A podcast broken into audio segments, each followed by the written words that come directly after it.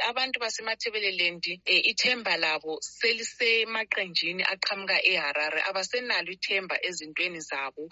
Akusikho ukuthi lamanye amaqembu athulile akhona kodwa izanu njengoba iyiliqembu elibusayo kodwa iCCC ibonakala kuyiliqembu elikhulu eliphikisayo kuwo wonke. So abantu abaningi babeke ithemba kuyo iCCC yikho uzwa noma ngesikhathi sokuvota bethi asibambanenini sikhipheni izanu kodwa besekucaca ukuthi sibhoda ndawonye sisazoyibhoda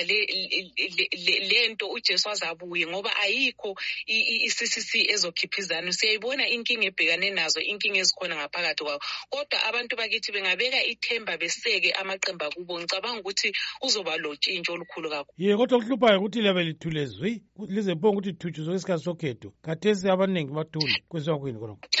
Angicabangi ukuthi kusuka kusekuthuleni babudube ipolitiki ifuna imali amaqembu amaningi asemathebelelend ane-challenge leyo yokuthi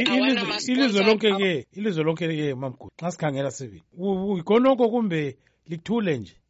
awusiyi ukuthula um ngithe ngizokhulumela kakhulu emaqenjini asemathebeleland abantu basemathebeleland abasenayo i-economic power so abaningi noma benawo amaqembu abafinyeleli amaplatform aphezulu ukuthi beziveze because abanamali abasekho kuleya position yokuthi umkhonomo welizwe bayakwazi ukuthi nabo bewubambe befinyelele kuwo yiyo i-challenge ekhona kakhulukazi emaqenjini ezepolitiki awasemathebeleleni o-triple c buningi babo basemandleni ngenxa yokuthi vele yibo ababusayo e, abantu basemashonalend so most of them basemandleni banawo ama-sponsorship amaqembu lana ngama-opposition parties but amanye amaqembu anechallenge leyokuthi awanamali yokuthi beziveze lingaphuma njani kukhonokho ngicabanga ukuthi kuyadingeka ukuthi sibambane singakhaleli ukutheni sihleli sifuna ama-sponsors ozoxhasa ipolitiki